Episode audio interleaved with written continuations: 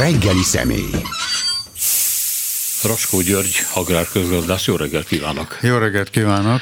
Ha Üdvözlöm megengedi egy Facebookos beírásából indulnék, elég gyakori vendégot látom, hogy naponta posztol, elmegy bevásárolni a Lidlbe, vagy nem tudom hova, nem tudom hol lakik egészen pontosan, és akkor megírja, hogy hányan vannak a boltban, mit vesznek az emberek, tehát körben milyen a nép hangulat, meg mennyi a pénz.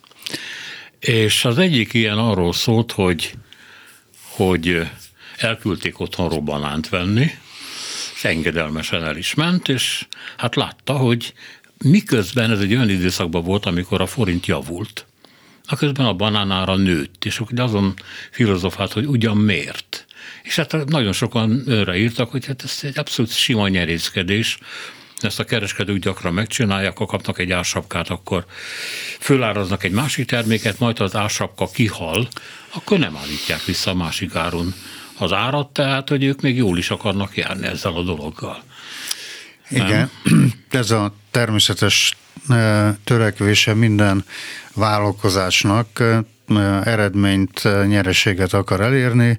Ennek különböző útjai vannak, és persze mindenféle gátak is vannak. Magyarországon egyre több olyan gát van, ami nem jellemző egy piacgazdaságra, tehát kiszámíthatatlan olyan lépés sorozat történik a magyar kiskereskedelemben, amire szinte nem lehet fölkészülni, és hát a, miután ez nem először fordult elő, a, hogy például büntető adót vetnek ki a kereskedelmi forgalomra, de csak a nemzetközi láncokat érinti ez a büntetőadó, hiszen a, ezek a láncok úgy vélik, hogy ők egy normál vállalkozási tevékenységet folytatnak, és hát a, a, amennyiben Magyarországon ilyen mértékű befektetést megvalósítanak, mind amit ők idáig megtettek, akkor keresik a megtérülés lehetőségét.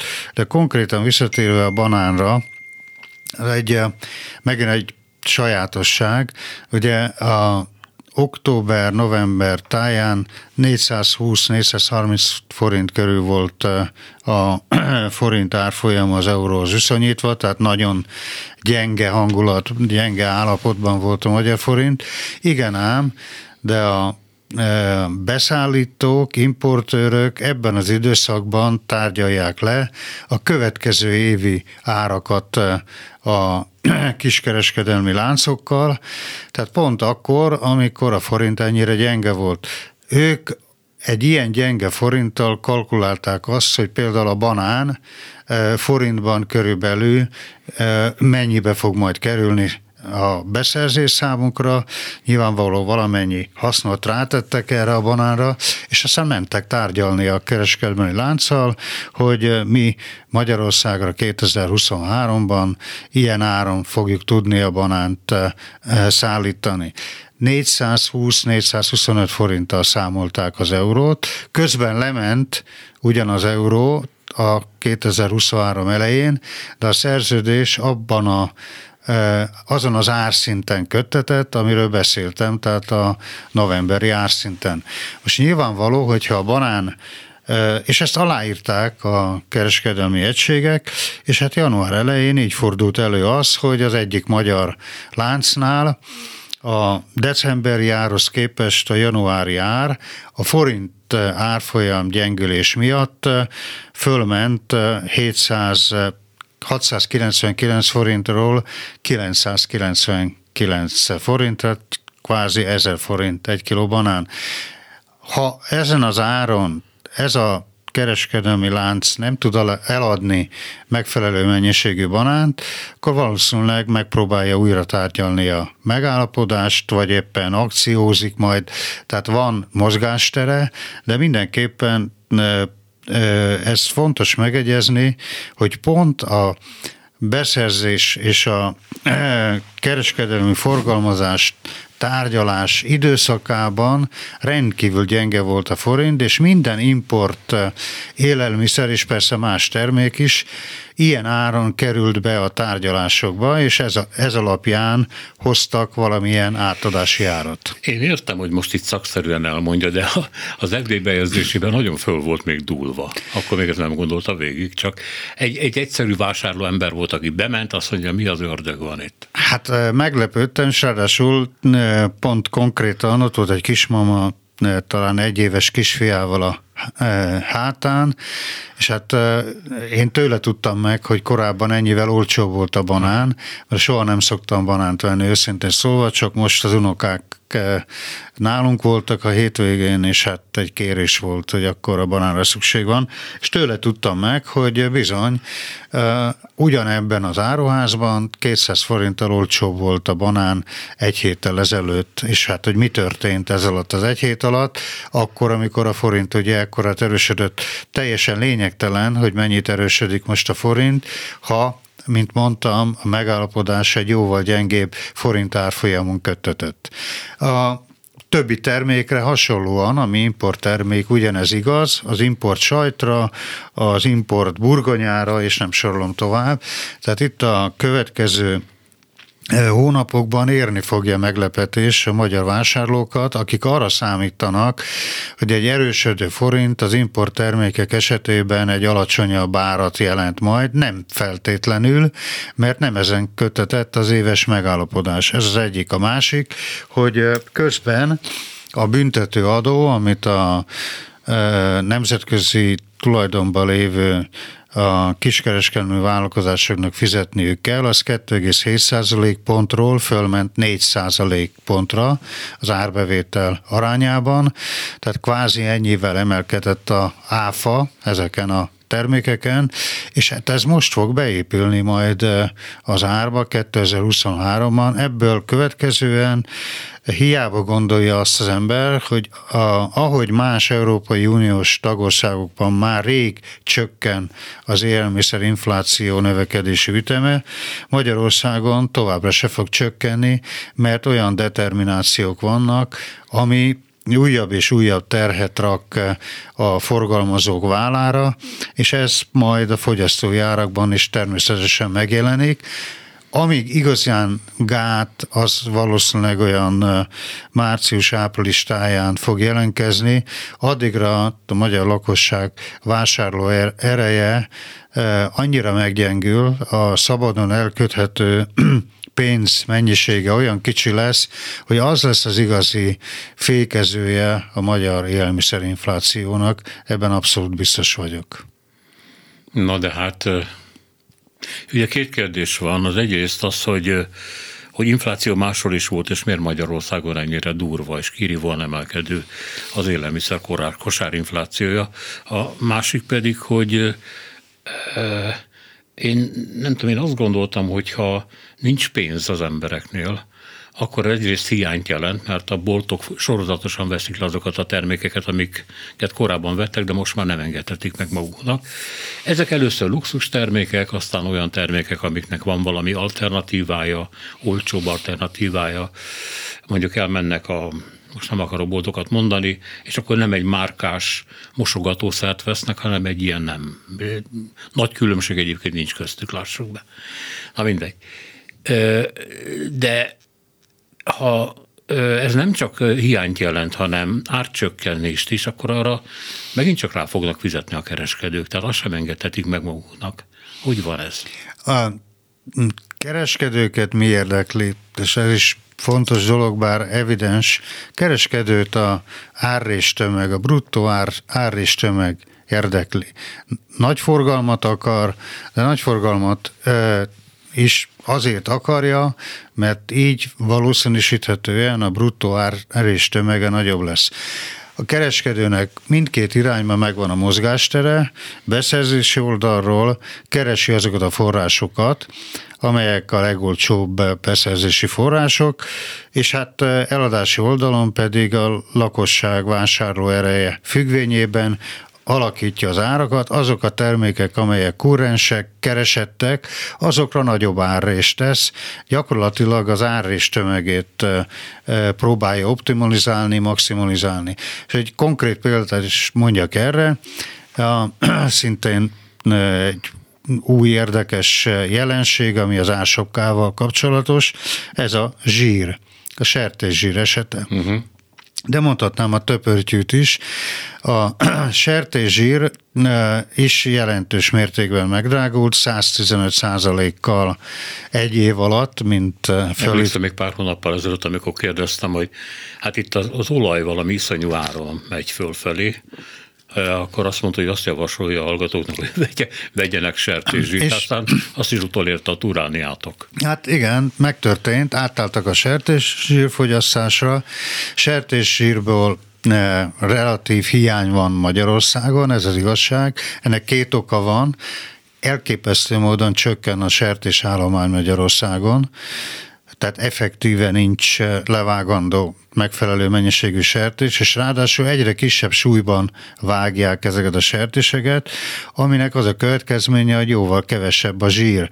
Tehát 200 kilós eh, állatnak a zsír tömege óriási ahhoz képest, ami egy 80-100 kilósé. Ezek ugye hússertések minimális zsírtartalommal rendelkeznek.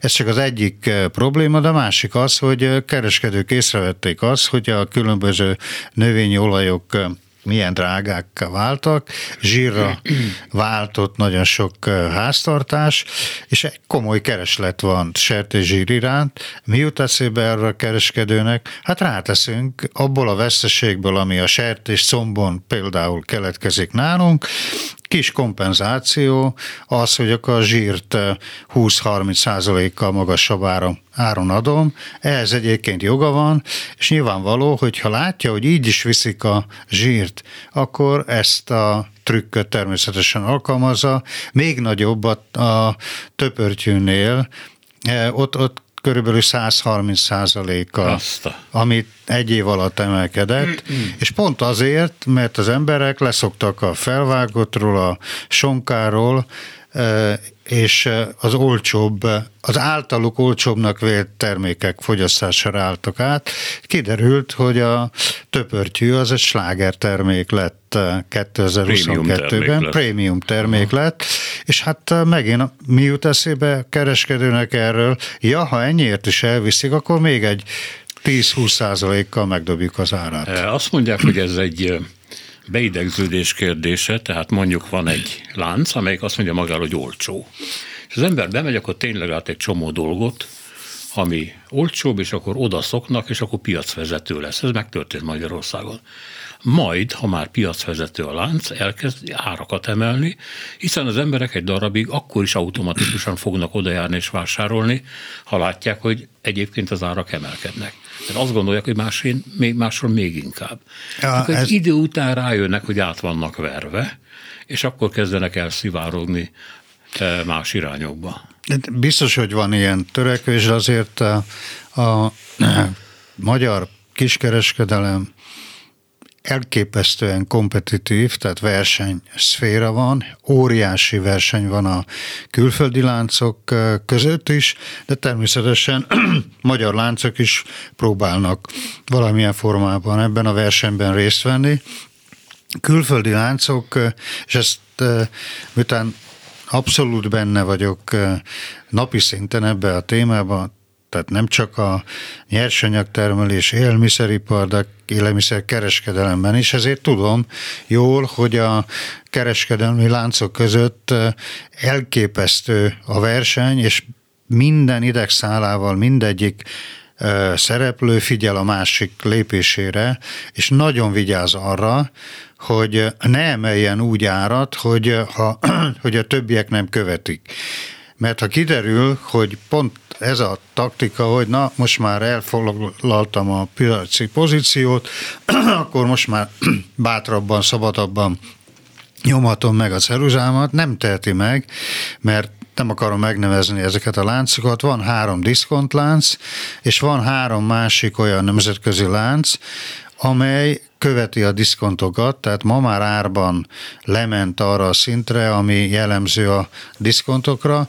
A rés minimálisra szűkült, a, a legolcsóbb diszkontlánc és a legdrágább nemzetközi lánc árszintje között most pillanatilag már csak 8-9 százalék a különbség, ami persze azért elég jelentős, de azt szeretném hangsúlyozni, hogy egymást figyelik, és egymással óriási versenyben vannak. Paradox módon a, a kormány a fő felelőse annak, hogy a külföldi láncok eh, ilyen óriási pozíciót nyertek 2022-ben. Pontosan az ársapka rendelet eh, hozta őket helyzetbe, és hát nekem mondják a nemzetközi láncok eh, vezetői, hogy ők a világon még ilyen olcsón piaci pozíciót nem szereztek maguknak, mint 2022-ben Magyarországon, hiszen a három nagy diszkontlánc 32 os piaci részesedése, ami volt egy évvel ezelőtt januárban, most körülbelül 38 százalék és nem kellett még reklámozniuk se, hiszen az ársapka rendelet a magyar vásárlókat behozta az ő boltjaikba, amiatt, hogy ők a ársapkás termékeket ugye már csak versenypolitikai okokból is forgalmazták megfelelő mennyiségbe, tehát ott mindig lehetett venni cukrot, lisztet és nem sorolom tovább. Ugyanez a magyar láncoknál már komoly gond volt, és főleg a független vegyesboltok, falusi vidéki boltoknál volt ebből jelentős hiány, hiszen még egy nemzetközi lánc, amely 3-7 ezer árucikket forgalmaz, sokkal könnyebben el tudta osztani azt a veszteséget, ami keletkezett az ásapkás termékeken. Ezt egy falusi vegyesbolt, amelynek van 100-150 árucikke szinte lehetetlen feladat volt számára, hogy ezt a veszteséget szétterítse. Ennek az lett a következménye, hogy ezek a boltok inkább bezártak, elképesztő nagyságrendben, közel 4000 a független bolt zárt be Magyarországon az ársapka bevezetése óta, és valószínűleg a rezsicsökkentés tesz be nekik véglegesen, és, és ez a, a független boltoknak ez a elképesztő mértékű leállása akár 5-6 ezeres nagyságrendet is elérhet 2023-ban, ami szükségképpen a nagy nemzetközi láncok piaci terjeszkedésének az egyik forrása lesz 2023-ban is. Nem lehet, hogy valamelyik NER lovag, amelyiknek van egy ilyen láncát, azért vannak magyar láncok, azok megveszik olcsó pénzen ezeket a bezárt is üzleteket arra számítva, hogy egyszer majd el lehet indulni. Nem fogják megvenni, kizárt, hogy nyereségesen lehessen ezt működtetni. A kormánynak már a néhány éve van ilyen kezdeményezése, hogy a független magyar boltoknak ad közvetlen költségvetési támogatást. Ez a támogatás most ki lett terjesztve a e, magánhentesek éppen 3 millió forint ilyen támogatásban részesülhetnek. A helyzet az, hogy magyar háztartások szabadon elkötető pénze annyira lecsökkent, hogy eh, megéri bemenni egy eh, közeli kisvárosba, vagy ha nagyváros közelébe lakik valaki, akkor egy nagy hipermarketbe, akár úgy is, hogy eh, négyen összedobjuk a benzin költséget, beülünk a kocsiba, és a nagy bevásárlást megtesszük. Én ezt tudom, mert azokban a falvakban, ahol érdekelt vagyok vállalkozásokban, általános gyakorlat, hogy már nem a falusi boltban vásárolnak az emberek, ott csak a ársapkás termékeket veszik meg, amin a szerencsétlen kereskedőnek csak vesztesége van, de minden egyéb terméket az bizony megvásárolják a környező kisváros valamelyik diszkont láncánál. Hát érdekes, amit mond, én megesküdtem volna arra, hogy eh, gyakorlatilag a nagy magyar láncok épülnek tovább természetesen a kormány által támogatott tulajdonosi körrel, de ezek szerint... Ők mennek tönkre, tehát a Aha. nagy tönkremenettel a magyar láncoknál van jelen pillanatban, amelyek franchise módon működnek. Valószínűleg oda másfajta politika kellene a kormány részéről. Egy olyan átfogó koncepció, ami ezeket a láncokat elnézést abban segíti, hogy logisztikában, beszerzésben fölnőjenek a nemzetközi láncok szintjére, vagy legalább közelítsék meg azt. A nagy lemaradás részükről ezen a területen van. Uh-huh. Említette korábban, hogy el fog fogyni a lakosságnak, vagy legalábbis egy jó részének a szabadon felhasználható pénze. Ez a társadalom alsóbb rétegeiben komoly éhezést jelent majd? Hát hogy éhezés jelente, azt azt nehéz, nem vagyok szociológus, nem tudom fölmérni, de az biztos, hogy a fogyasztási sok azokból a termékekből, amelyek úgymond minőségi élelmiszerek, a szinte a nullára csökken le. Addig, amíg van a ársapka, és ott alapvető élelmiszereknek valóban nagyon kedvező ára van, tehát addig eh, ezeknek a termékeknek a beszerzése részükről valószínűleg akkora gondot azért eh, nem okoz. Inkább azt mondom, hogy eh, minden más, ami korábban időnként esetleg megengedhettek maguknak, azokra most zár van, de nem csak rájuk vonatkozik ez a takarék, kényszerű takarékosság, hanem középosztálybeliekre is, ahogy a szintén a kereskedő szektorból származó információ alapján tudom állítani, bizony sajtfogyasztás nagyon megy vissza, a középosztálynak nincs pénze arra, lassan, hogy a 5000 forintos trappista sajtot megvásárolja, és akkor már francia, meg holland, meg egyéb más Azok minőségi sajt, már gyakorlatilag el is tűntek. Igen. Ugyanez történik egy csomó más olyan márkatermék esetében, amely nem kereskedő márka, hanem valamelyik gyártó cégnek a márkája, rendkívüli mértékben csökken az ilyen márkatermékek forgalmazási volumene, ami azt jelzi, hogy itt bizony 2023-ban a minőségi élelmiszerfogyasztás nagy mértékben visszaszorul Magyarországon, elmegy az olcsóbb irányba, de hát ott is látjuk, hogy az olcsó viszont drágábbá válik, akár a töpörtyű, akár a zsírre, szalonnára Nincs menekülés. tekintünk, nagyon nehéz menekülési utat találni. Nem lehetséges -e, hogy az infláció meg a ársapkák miatt, ami ugye az inflációt növelte, és hát részben magyarázat ugye a magyarországi különleges helyzete sajnos, a tavalyi asszály is nagymértékben közrejátszott, illetve az, amit minden kormány elmulasztott a rendszerváltás óta, hogy egy olyan öntözési rendszert működtessen, vagy oly módon próbálja meg a lehulló vizeket visszatartani, hogy ne folyjon ki több, mint amennyi leesik. És hát ebben az ügyben ugye nyáron rengeteget beszéltünk erről, amikor a félhalföld kiégett, kipusztult, nem tudtak annyi kukoricát, árpát, búzát betakarítani, amennyit szoktak. És akkor mindenki azt mondta, hogy hát igen, akkor ebbe be, be kell ruházni. Történt valami? Hogy kezdeményezések papíron voltak, azt biztosan tudom.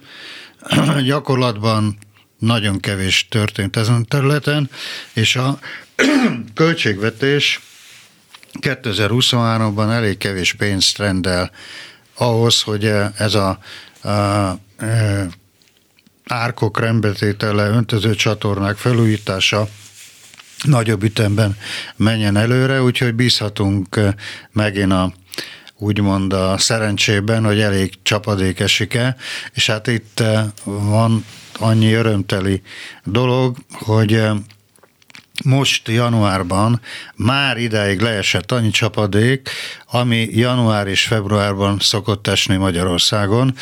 Ez a hét hasonlóan csapadékos lesz, vagyis ez egy jó kiindulás az idei évhez, hogy a csapadék gyakorlatilag már most közelíteni fog a 100 mm-hez januárban, a, és e, ilyen szinte nem is emlékszem, mikor fordult elő utoljára. Igaz, hogy nem, nem hóként esik le, hanem esőként, viszont csendes eső a jellemző, tehát ez azért ez beszivárog a talajban, vagyis a talajok nedvesség tartalma utcahosszan magasabb, mint volt a korábbi években.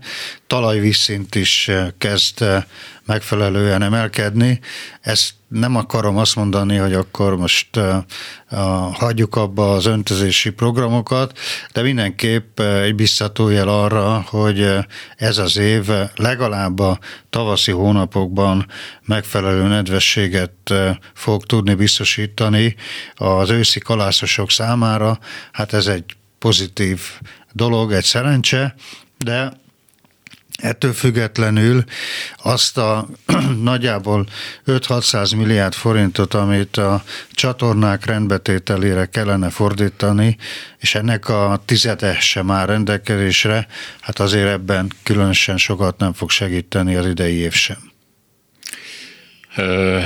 Az, hogy hogy a magyar nyarak egyre forróbbak, és gyakorlatilag, ahogy hallottam, mert valaki mesélt, hogy Andalúziában hogy mentek tönkre az olívaültetmények, mert egy deka eső nem esett rájuk.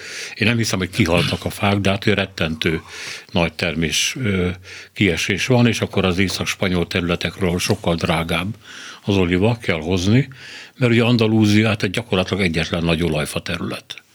És Spanyolország a legnőbb termelő a világon. Ma és és ez a kereskedő, aki egyébként spanyol olívaolajakat forgalmaz, iszonyan megemelt áron, persze.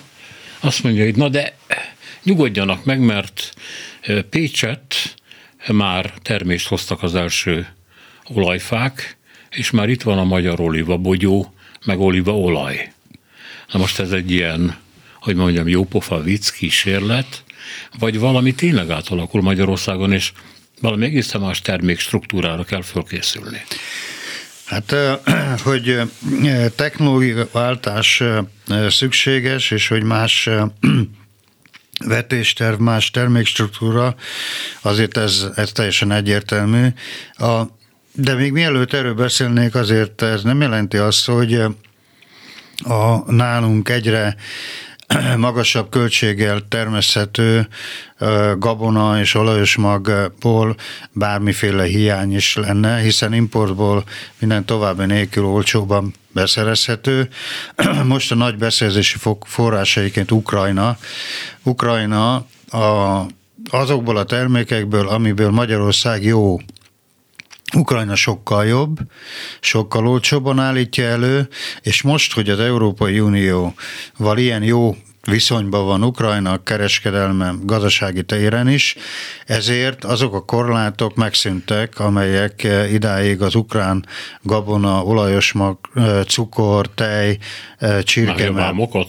Igen, megszűntek a vámok, és megszűnt a kvóta is, tehát a, a korábban Ukrajna csak kvótával, szabályzott módon elég szerény mennyiséget szállíthatott az Európai Unió területére. Most ezek megszűntek, ömlik Európába az ukrán eh, buza, árpa, kukorica, napraforgó, étolaj, csirkemel, és sorolhatnám tovább. És hát eh, miután eh, politikailag egyértelműen az Unió kiáll Ukrajna és az Európai Unió közötti kapcsolatépítés mellett kizártnak tartom, hogy akár ha a gazdák tiltakoznak is, ez a behozattal valamilyen újabb korlátok alá kerüljön. Tehát a paradox módon, ami a magyar gazdáknak egy tragédia, hogy, asszály van, hogy igen magas termelési költségek vannak, és hát terméshozamok pedig pont emiatt a kánikulai időszak miatt közel sem várhatók olyan jónak, mint mondjuk 20-30 évvel ezelőtt. Az ukránok minden további nélkül a kieső mennyiséget be fogják szállítani ide, alacsonyabb áron, ami persze a fogyasztóknak akár előnyös is lehet, hiszen az ebből készült liszt, étolaj nem lehet olyan drága, mint egy nagyon magas költséggel előállított hazai termékem. Mm, jött már Magyarországra ilyen nagyobb szállítás, mert én őszintén nem, nem láttam óriási, olcsóbb, olcsóbb olajárakat. Óriási mennyiségbe jön, tehát a, a, az ukrán behozata a kukoricából most már eléri a havi 200 ezer tonnát, korábban pár ezer tonnát, ha eladtak Ukrajnából, az már jónak számított, és a kínálat elképesztően nagy, engem ukrán partnerek szinte azt lehet mondani, hogy hetente keresnek meg, hogy újabb és újabb mennyiséget szállítanának. Körülbelül olyan 15-18 százalékkal olcsóbban, mint ami a hazai a termelői árszint. Ez hatalmas különbség. A, az ukrán gabonának azért van kockázata is, hiszen a minősége nem az, mint amit a magyar piac megszokott, és állattenyésztésben nem igazán használható az az ukrán kukorica, ami most kintázik a szabadban, hiszen annak a toxin tartalma jelentős, gyakorlatilag állattenyésztők nem is használhatják föl ezt a kukoricát, de például etanolgyártásra, tehát ahol ipari célra megy, ott minden további nélkül ezeket a tételeket felhasználják, és hát előbb-utóbb ukránok valószínűleg a raktárbázisaikat újjáépítik, stabilizálják, és attól kezdve az onnét szállított gabona minősége is valószínűleg megfelelő lesz, európai mértékkel nézve is. Miért magas a toxintartalom? Hm?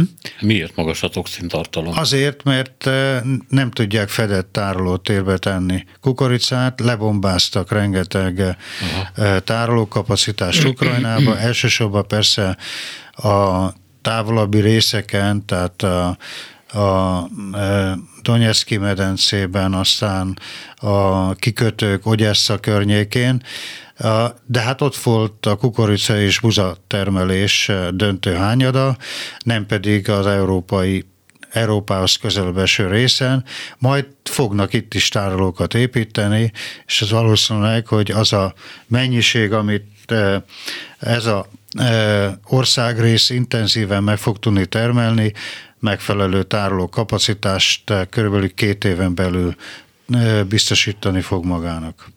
De említett, hogy ez a magyar gazdáknak nem jó lehet, hogy tönkre teszik. A... Hát ez a következő kibontakozó tragédia, nem az a száj, a, az egyedüli veszély a magyar gazdáknak, amivel szembe kell nézniük, hanem az ukrán konkurencia, amely jóval alacsonyabb költségszint mellett termel. Igen, az ottani birtokméretek eh, sokszor 10-20 ezer hektáros, tehát eh, a százszorosa, mint ami Magyarországon ismert.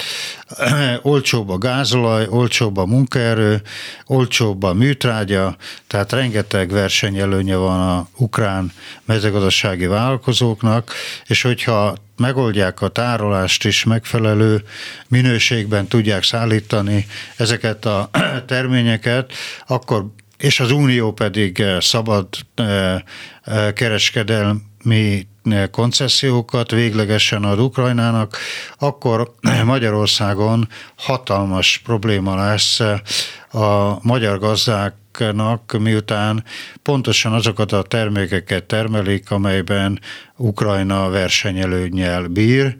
Egyszerűen szállítási költség sosem lesz akkora, hogy ezt a verseny hátrányt a magyar gazdák ki tudják egyenlíteni. De akkor, hogy mondjam, szembe kell nézzünk azzal, hogy egy csomó magyar gazda tönkre megy? Hát ebben a formában ez a veszély óriási, tehát itt mindenképpen termelési szerkezetváltásra szükség lesz abban az esetben. nem szabad azt előállítani, amit az ukránok behoznak olcsóbban? A, hogy? Nem a, szabad azt előállítani, amit az ukránok behoznak olcsóbban? Hát diversifikálni kell a termelést, és az a kényelmes életmód, ami a magyar gazdákat az utóbbi időkben jellemezte, hogy uniós földalapú támogatásból meg lehetett élni, és ahhoz képest a, a buza, kukorica és olajos magvak termelése ez egy könnyed új gyakorlat volt, száz százalékban képesített módon történik a termékek előállítása. Évente maximum 30 munkanapot kell velük rájuk fordítani, tehát, és az állattenyésztésről, kertészeti termékek előállításáról a magyar gazdák leszoktak, azért ezt nem már tudni. Elképesztő módon zsugorodott a szántóföldi zöldségtermelése, a az olyan kultúrák, mint a szőlő, 120 ezer hektárról lement, 55 ezer hektárra ma már, de hasonlóan ugye Magyarország nagy szántóföldi paradicsom termesztő volt, fűszerpapika termelő volt, alig van már néhány ezer hektár ezekből, és ennél is rosszabb, ami az állattenyésztésben történik, hiszen minden ötödik gazda foglalkozik csak állattenyésztéssel, ami elképesztően alacsony arány nyugat-európai mezőgazdasághoz viszonyítva. Állattenyésztés gyakorlatilag ma már csak nagy állattenyésztő telepeken van, vagyis nagy gazdasági vállalkozásoknál, agrárgazdasági társaságoknál. Őnekik viszont egyre nagyobb gond a az, hogy a, a vetés területük évről évre csökken. Ez törvényi okai vannak ennek. A földtörvény a gazdasági társaságokat iszonyú hátrányos helyzetbe hozta. Nem, földet nem vásárolhatnak, de hát ez 32 éve így van, de ma már a föld használatban is utolsó helyen állnak az egyéni gazdákkal szembeni versenyben, ezért a rendelkezésükre álló földterület évről évre csökken. A Orbán kormány 2010-es hatalomra kerülése óta több mint 600 ezer hektárra csökkent a gazdasági társaságok által művelt terület Magyarországon, ami ma már olyan ágazatokban, például mint a a kérődzők, tehát például a szarvasmarha tejtermelésnél nagyon-nagyon komoly takarmánybeszerzési problémát okoz. De ez a, ez a 600 ez kiesett a művelésből? Nem, ez átkerült egyéni gazdákhoz, gazdasági társaságoktól, akik, köszönjük szépen, tehén nélkül is nagyon jól megvannak, nem tartanak sertése, és más haszonállatot sem. Ugyanakkor, mint mondtam, de nagyon kényelmes sen foglalkoznak szántóföldi gabona és olajos termeléssel, ami egy extenzív irányba történő elmozdulás, és hát majd most fogja őket kényszeríteni a Európai Unió megegyezése Ukrajnával. Bizony az egyéni gazdáknak is alaposan felül kell vizsgálniuk termelési stratégiájukat, és valószínűleg intenzívebb kertészeti kultúrák és állattenyésztés irányába kell elmozdulniuk, ha elegendő jövedelmet maguknak termelni akarnak. Hát amennyire én ismerem ezeket a megszólalásokat, nem mondom, hogy követem, de amikor megszólal egy mezőgazdasági miniszter Magyarországon, mindig azt mondja, hogy nekünk a legnagyobb potenciálunk a mezőgazdaságban van. A magyar mezőgazdaság iszonyú fölfutás előtt áll, és hát gyakorlatilag a Kárpát-medence legfejlettebb, legvirágzóbb növényi kultúráit hozza létre az állattenyésztésre nem is szólva. Az a kép, amit ön elmond, hát nem csak egy gyökeresen ellenmond ennek, hanem hogy az előbbit egyenesen hazugnak nevezi. Hát biztos, hogy vagy nem, nem megfelelő tájékoztatásnak, de erre egy konkrét számadatot hoznék. Az Európai Unióban jelen pillanatban, de hát vegyük 2022-t, utolsó teljes évet, a egy hektára jutó termelési érték, amit mezőgazdaságban, élelmiszeriparban együtt megtermelnek, tehát amire egy vertikális integráció fölépül, ez a uniós átlag ma már fölé ment 3300-3400 euró hektáronként, ha visszavetítem. Magyarországon ez még mindig csak 2100-2200 euró között van, vagyis Magyarország büszkén veri a mellét, hogy mekkora agrárpotenciája van, ugyanakkor a, a rendelkezésünkre álló természeti erőforrások kihasználásában nagyon is hátul kullogunk. Tehát az az agro ökológiai potenciál, ami Magyarország rendelkezésére áll, annak a kihasználtsága jelen pillanatban körülbelül 40 százalék, 40-45 százalék között van, ami azért elég gyenge teljesítmény, ennek, ezekről, a, hogy miért alakult ez így, már beszéltem róla, elmentünk extenzív irányba, állattenyésztés hihetetlen mértékben lecsökkent Magyarországon, az állatállomány állomány sűrűség egy hektára vetítve Európában, Magyarországon ennél alacsonyabb már csak Olaszországban és Portugáliában van. Tehát azelőtt Spanyolországban is alacsonyabb volt, de utóbbi időben ott olyan mértékű állattenyésztés, fejlesztés történt sertés elsősorban, amivel megelőztek bennünket. De hát, hogyha konkrét akarok lenni, Hollandia állat sűrűsége nyolcszorosa a magyar állatsűrűségnek. Észak-Németországban, Hollandiában hasonló a helyzet, tehát mi ezen a területen nagyon-nagyon gyenge hatásfokkal használjuk ki azon agroökológiai potenciált, amivel rendelkezünk. De még mindig nem értem, hogy miért. Mert ön azt mondja, hogy elmentek extenzív irányba, meg kapják az uniós pénzeket, ellustultak, e, nem diversifikálnak, na de e, Hát, ugyanez megtörténik mondjuk Szlovákiában, Csehországban vagy Romániában? Szlovákiában úgy szintén, tehát Szlovákia semmivel se különb ebből a szempontból. Ennek számos oka van, de azért hármat konkrétan mondanék. Maga az uniós támogatási rendszer, a szántóföldi növénytermelőket hozza helyzetbe a föld alapú támogatás révén. Tehát nagyon egyszerű a képlet, ha nekem van 10 hektárom, akkor a föld alapú támogatás a 10 hektár után kerekítve 800 ezer forint, ha van 100 hektárom, akkor meg 8 millió forint. Adómentes pénz. Na most, és ezt minden évben megkapom, ez független attól, hogy a termés hozamom hogyan alakul, ahhoz képest, ha már a termelésbe fektetek, és az hoz egy 100-200 forint jövedelmet hektáronként, az már haba tortán. Ebből adódóan a, mindenki a földre mozdul rá, földet akar szerezni, föld használathoz akar hozzájutni, mert nem a tulajdon számít, hanem a földhasználat. Ha én vagyok a földhasználó, kapom a föld alapú támogatást.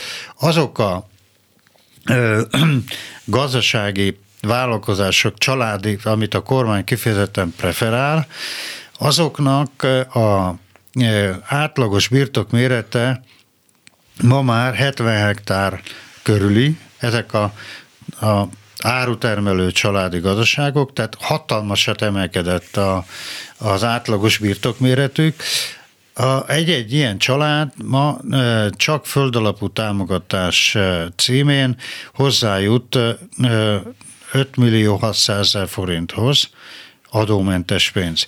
Ezen túlmelően, ha vállalkozását úgy alakítja, hogy megtartja a családi státuszt, és úgynevezett árutermelő családi vállalkozásként bejelenti mondjuk a család négy tagját, ebbe a e, csoportba, akkor e, fejenként 20 millió forintig gyakorlatilag az árbevételük adómentes, jelképes adót fizetnek 880 ezer forint árbevételt, 80 millió, bocsánat, 80 millió forint árbevételnél az összes közteher, amit egy ilyen vállalkozás fizet, az 600 ezer forint mindössze. Hm. Ez a másik ok, ez a másik ok, és akkor mondom tovább, ami már agrár szociológiai ügy, amiről önnél is itt ebben a műsorban már beszéltem, talán nem is egyszer, Magyarországon nem az a szerves paraszti családi kultúra fejlődött tovább, hanem a rendszerváltozás után egy egészen új képlet jött létre. A Magyarországon a TS vezetők és családjaik lettek egyéni gazdák. 90% ban Magyarországon. Ők a termelőszövetkezetnek vagy állami gazdaságnak voltak a közép és felső vezetői, tehát olyanok, akik másokat irányítottak, tehát kétkezi munkát olyan nagyon nem végeztek. Ezek a családok viszont és vállal, tehát állami gazdasági és TS felső vezetők azért annyira okosak voltak, hogy tudták azt, hogy a jövő a családi típusú vállalkozásoké Magyarországon. Ők vettek részt a legaktívabban a földkárpótlási eh, árveréseken, és ők vitték ki először a rájuk eső vagyonrészt önálló vállalkozásba, még a 90-es évek elején. Ez a társaság családi vállalkozásokat hozott létre, de nem vált parasztá. Továbbra is értelmiségi társaságról van szó, ahol a feleség a faluban tanítónő, tanárnő, vagy éppen valamilyen más értelmiségi pozíciót betöltő, és bizony ezek a, a családi vállalkozások egyik pillanatra másikra a, csak a növénytermelésre koncentráltak, az állattenyésztés és a kézi munka igényes kertészeti termékek termelését abba hagyták, hiszen mondom, ők egy értelmiségi irányítói pozícióból kerültek át ide, nem pedig úgy, mint Ausztriába, ahol több száz éven át a paraszti vállalkozás fejlődött, de mindig megmaradt paraszti gondolkozás szintjén. Ők nem nagy cégeket irányítottak, és úgy lettek egy vállalkozásnak a tulajdonosai, hanem szépen építették ezt föl, de azzal a szemlélettel, azzal az életformával, ami egy paraszti családra jellemző, Ausztriában, Németországban van éppen Lengyelországban. Na most a Emiatt ment el extenzív irányba például a magyar növénytermelés, és hát ennek a következményeit lesz az, hogy Magyarország a lehetséges agroökológiai potenciáját pont azokon a területeken használja ki nagyon rosszul, amelyek egyébként magas hozzáadott értékű termelést eredményeznének, például a bogyós gyümölcsök. Talán ismert az, a rendszerváltozás kori termeléshez képest ma már 4-5 százalék a bogyós gyümölcs termelésünk szintje, tehát 100 százalékról 4-5 százalékra csökkent, és hát minden egyéb intenzív kertészeti ágazatban a termelés értékelőállítás elképesztő módon csökkent, ami a mai állap, és ugyanakkor történt egy vagyon koncentráció, erről is beszéltem már, hogy az uniós támogatások következtében a földalapú támogatás, ami hát most már kb. 8000 milliárd forintnál tartunk, ami az Unió kifizetett, mióta Magyarország ide belépett. Hol koncentrálódott ez a 8000 milliárd forint? Döntően azon családi vállalkozásoknál, amelyekről beszéltem, és ott egy olyan vagyon koncentráció történt, mert ugye a, a második pillérből fizetett fejlesztési támogatások a vidékfejlesztési alap terhére, azok is ennél a vállalkozói szektornál koncentrálódtak. Ez eredményezte azt, hogy Magyarországon a milliárdosok száma a falun, a családi vállalkozók körében ma már megközelíti a 2500-at. Hm. Hát a 90-es évek elején az ilyen problémákra, mint például a magyar ipar kihalása, sorvadása, a mezőgazdaság problémája, sokan azt mondták, hogy az Unióban, ha ben vagyunk, akkor tök mindegy, hogy hol termelik meg azt a répát, hogy hol nő föl az a tehén, úgyis azt számít, hogy melyik az olcsóbb. És akkor hát legfeljebb Magyarországon nem lesz mezőgazdaság, majd behozzuk máshonnan. És nem mi termeljük meg drágán. Azért ezt ma, ma már így nem lehet mondani, ugye? Hát most már ugye kezdjük azzal, hogy a vége van az olcsó élelmiszer korszakának, tehát volt eh, azért a, az Európai Unió a legjobb példa arra, hogy a világ a szemlélet az agrártermelésben hogy alakult át. Ugye volt a háború utáni alakuló európai Európai Gazdasági Közösség, ahol ott az volt a lényeg, hogy minél több legyen az élelmiszer, mert ugye hiány volt belőle, hát ott még élelmiszerjegy is volt 50-es években. Aztán ez elvezetett oda, hogy agyon támogatták a termelőket, lett ugye a óriási mennyiségű fölösleg, tejporból, húsból sorolhatnám tovább. Akkor jött egy újabb váltás a 90-es évek elején, hogy elkezdtek azért fizetni, hogy ne termeljen annyit a uniós gazda. Na, ezt aztán az újonnan belépők hamar megtanulták, hogy az orientáció az, hogy ne termeljünk, mert jön a földalapú támogatás a jövedelem anélkül is. Ez ment a 2010-es évek elejéig, és ekkor jött az a hatalmas váltás, aminek a lényeg az, hogy nincs szükség olcsó élelmiszerre, mert a az élelmiszer termelés környezetvédelmi károkat okoz, rengeteg vizet igényel, tehát egy ök, ökológiai szempontok elkezdtek érvényesülni, és ma ez a szemlélet uralkodik, hogy a német agrárminiszter szó szerint mondta, hogy a német élelmiszer legyen olyan luxuscikk, és legyen olyan drága, mint a Mercedes és a BMW, és ez gyakorlatilag a utóbbi időkben eh, szinte általános eh, gondolkozássá vált, és Európa, ahol a lakosság körülbelül 10-12 százalékát költi élelmiszerre, ez nem egy különösebb szociális probléma.